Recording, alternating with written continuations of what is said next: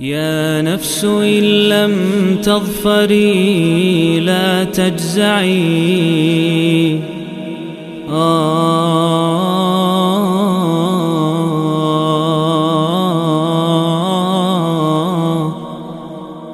Bismillah, Alhamdulillah, wassalatu wassalamu ala rasulillahi amma ba'du uh, Ini adalah lanjutan program 114 hari menyambut Ramadan Dan kali ini di pertemuan ke-8 kita akan membahas surat Al-Anfal Surat yang ke-8, surat yang Madaniyah Turun setelah surat Al-Baqarah dan turun sebelum surat Ali Imran Dan ketiga surat ini turun tidak sekaligus Surat yang terdiri dari 75 ayat ini disebut Al-Anfal yang artinya rampasan perang dengan bentuk jamak karena memang kata Al-Anfal hanya muncul di di surat ini saja bahkan di ayat pertama saja dari surat Al-Anfal. Seluruh Quran hanya sekali uh, hanya di satu ayat saja yaitu dua kali Allah sebut yasalunaka anfal qulil anfalillah war rasul al. Dan seperti sudah saya singgung bahwa penamaan surat dikatakan oleh Imam Asyuti dalam uh, dan lain-lainnya para ulama lain sebutkan bahwa memang penamaan surat itu uh, mencari hal yang teruniknya. Ini kalau kita perhatikan. Yang paling unik dari surat uh, ini Al-Anfalnya. Dan Ibnu Abbas radhiyallahu anhu ditanya tentang surat Al-Anfal kata beliau tilka suratu Badrin. Itu surat perang Badar. Kemudian ditanya lagi oleh Said bin Jubair, Fal Hasyar gimana kalau surat Al-Hasyar? Surat ke-59 kata beliau nazarat fi Bani Nadir itu surat turun terkait dengan perang Bani Nadir jadi memang eh, surat-surat di dalam Al-Quran ada tema-tema besarnya. Dan dari situ kita juga bisa uh, kaji dari sisi sejarahnya dan seterusnya. Dan memang pendamping terbaik tadabbur Al-Quran adalah setelah sunnah Nabi Shallallahu Alaihi Wasallam tentunya adalah yang sunnah Nabi yang terkait dengan sirah. Ya, sirah termasuk dari bagian keluarga besar sunnah Nabi secara umum ya. Nah, itu sangat cocok sekali. Makanya makanya kata Muhammad Ibn Hanafiyah uh, kuna nu'allamu maghazi Rasulullah SAW kama nu'allamu surah. Min Al-Quran kita dahulu diajari oleh para sahabat ini. Beliau seorang tabi'in beliau bilang bahwa para sahabat mengajari kami para tabi'in sirah Nabi seperti mengajari kami Al-Quran. Masya Allah seserius itu karena ini dua hal yang begitu luar biasa dampaknya bagi kehidupan seorang muslim. Nah, kemudian surat Al-Anfal sendiri ini kalau kita bandingkan dengan surat sebelumnya, surat Al-Anfal kan nanti akan baik bicara tentang munafik. Saya sudah singgung di pertemuan sebelumnya. Sebagaimana halnya juga nanti surat At-Taubah.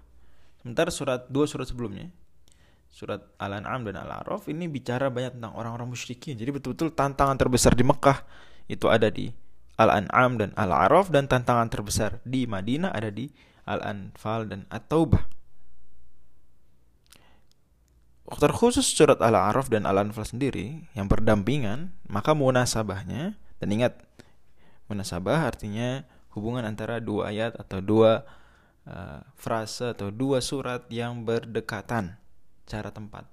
Munasabahnya adalah bahwa di Al-A'raf Allah sebutkan contoh-contoh bagaimana para nabi menghadapi kaumnya. Kan begitu. Antara hak dan batil bagaimana berhadapan. Bahkan sejak Nabi Adam berhadapan dengan iblis. Terus, terus. Sampai nanti di surga dan neraka pun ada hadap-hadapan ya. Antara hak dan batil. Jelas perbedaannya, jelas bagaimana penyikapannya. Maka di surat Al-Anfal Allah Subhanahu wa taala berikan contoh bagaimana nabi menghadapi hal yang sama dari kaumnya. Bahkan di Madinah bahkan di Madinah. Karena ada juga yang seperti halnya Bani Israel yang Allah sebutkan di surat uh, Al-A'raf sebelumnya. Seperti itu. Ada yang sama-sama bandel dalam tanda kutip ya. Uh, sama-sama tidak nurutnya pada Nabi Shallallahu pada para nabi sama seperti kaum munafikin terhadap Muhammad Shallallahu alaihi wasallam. Dan kalau surat Al-A'raf itu jelas hak dan batil, bagaimana berhadapan-hadapan, bagaimana saling berdialektika, maka surah Al-Anfal ada ternyata orang yang mau coba-coba cari zona abu-abu. Dan tentu dan abu-abu di sini berarti bukan hak, bukan kebenaran. Dia juga sebetulnya kebatilan. Fama ba'dal haqqi illa dhalal. Memang ada selain kebenaran kecuali adalah penyimpangan. Nah, surat Al-Anfal ini tema besarnya memang konsep meraih kemenangan. Ya, memang bicara tentang perang Badar secara sirohnya, momennya, situasinya dan seterusnya. Tapi dia tema besar mengajari bagaimana konsep meraih kemenangan. Kan Al-Araf tadi bicara tentang bagaimana hak dan batil berhadapan. Al-Anfal ngasih tahu bagaimana konsepnya mencari meraih kemenangan tersebut. Makanya Allah Subhanahu wa taala sebutkan misalnya di uh, surat ini beberapa resep meraih kemenangan.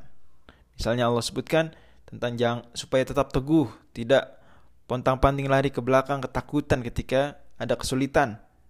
Ya. Di ayat 15 misalnya. Allah juga perintahkan untuk taat dan nurut kepada Allah dan Rasulnya ayat 20. Allah juga sebutkan bahwa kemenangan itu bermula dari kemurnian hati di ayat 24.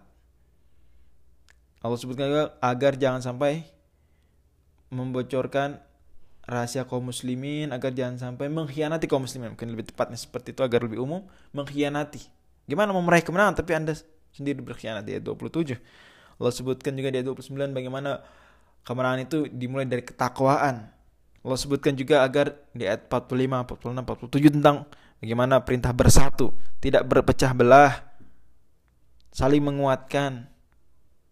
Ini semua adalah konsep bagaimana Islam mengajari untuk mereka menang itu bagaimana. Nah, di surat Al-Anfal juga ada ayat di ayat 41 Allah menyebutkan wa ma anzalna ala abdina yaumal furqan yaumal taqul jama'an. Bahwa Al-Qur'an pertama kali diturunkan di tanggal terjadinya perang Badar tanggal 17 Ramadan. Ini pertama diturunkan kepada Nabi sallallahu alaihi wasallam 5 ayat. Surat Al-Alaq itu terjadi pada malam 17 Ramadan sebagaimana banyak athar dan riwayat menyebutkan hal tersebut. Nah, dan juga termasuk ayat ini pastinya.